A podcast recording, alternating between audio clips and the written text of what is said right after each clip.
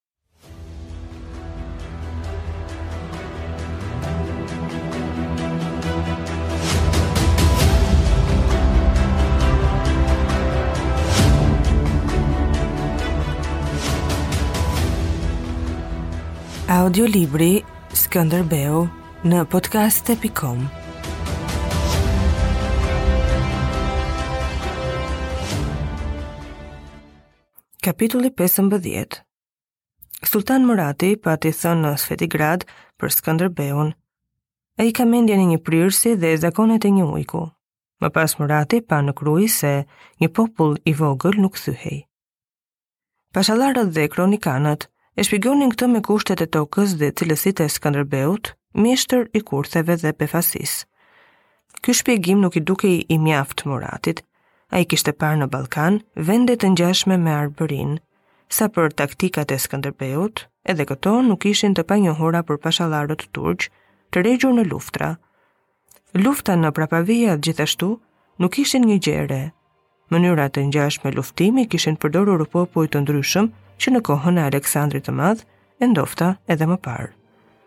Duke shqyrtuar të gjitha këto, Murati kishte arritur në përfundimin se e fshehta duhej kërkuar te forca goditëse dhe shpirti i qëndresës së shqiptarëve që buronin e viheshin në lëvizje nga një lashtësi e panjohur. Ky burim i kryqëzuar me tokën dhe zotësitë e Skënderbeut Krijuan një lidhje të pashembullt që dukej se s'mund të thyhej me forcë.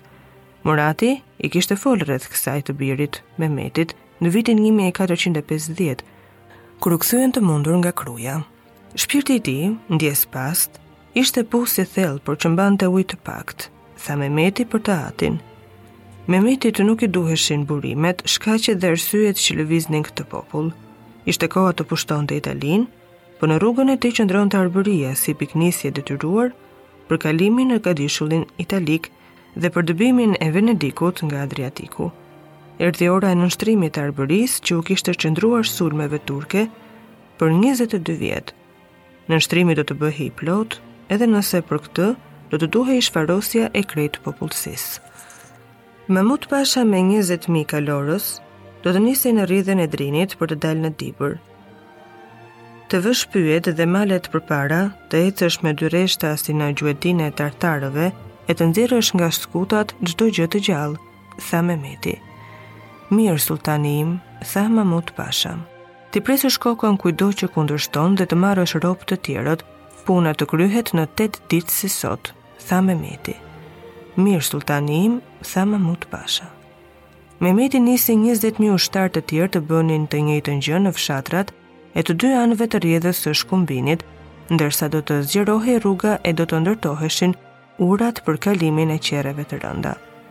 Në fushat buzë liqenit lëvizte lehtas gruri, ishte mbarimi i muajit kur në kallirin e grurit Zë e kthehet në bukë lëngu i tokës, koha për të kthyer zemrën e bujkut e për të mbjellë urinë. Kuajt do të hanin grurin e njomë, ndërsa ushtria do të digjte çdo gjë që mund të digjej.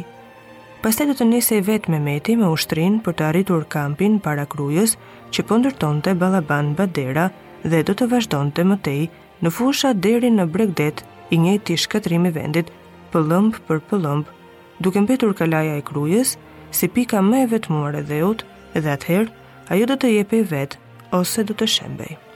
Mahmut Pasha u kthye te sulltani në Strugë ditën e 8 me 500 kalorës dhe tregoi ngadalë e shkoqur. Ai kishte hyrë në luginën e Dibrës, qarkuar në male të larta, si një vend i veçuar nga bota. Njerëzit dhe gjëja e gjallë ishin zhdukur. Mahmuti tha se kishte kërkuar pyjet dhe shpellat pa lënë prapa vend të fshehur si në gjuetinë e tartarëve. Tej në krahun e majtë të lumit Drin, brenda një humnere, ai kishte gjetur një qytet që i thoshin Çidhna. Qyteti ishte i braktisur. Pak më tej ishte humnera me shkëmbinj që vareshin si rëke të qiellit, Sipër në majën e shkëmbinjve ishte një kala e vogël, 600 kut e lartë, dhe në humnerë gjithkujt i merrej mendja.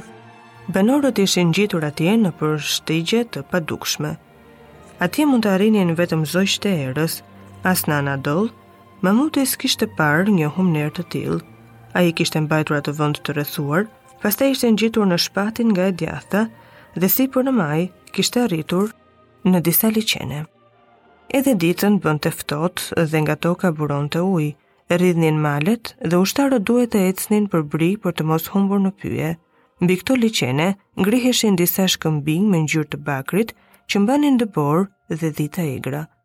Njerëzit s'mund të ndiqeshin më tej, se vendasit mbroheshin qenërisht në pjerrësitë dhe shkëmbit, por edhe pa mbrojtje kalimi në këto pika ishte tejet i vështirë dhe i kotë.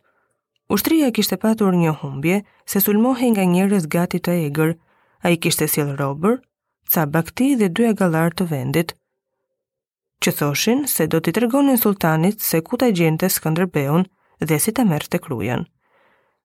Para dhe prapa, ke lënë njerëz dhe kafshë, tha Memeti.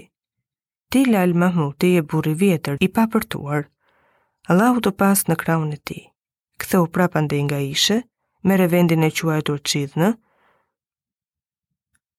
vuri të gjithë nën thikë, të mëdhenj e të vegjël, dhe pastaj zbrit në Mat, aty do të presësh urdhrin tjetër. Të nesërmen, sultani u vu në rrugë dhe ditën e tretë zbriti në qytetin e Valmit. Mbi themelet e Valmit të vjetër, ai nisi ndërtimin e një kalaje. Pastaj vijoi rrugën, i bindur se prapa linte një vend, po aq të vdekur sa një qivur i zbrazët. Mbi këtë tokë të rrënuar, do të ngrihej sundimi i përjetshëm turk.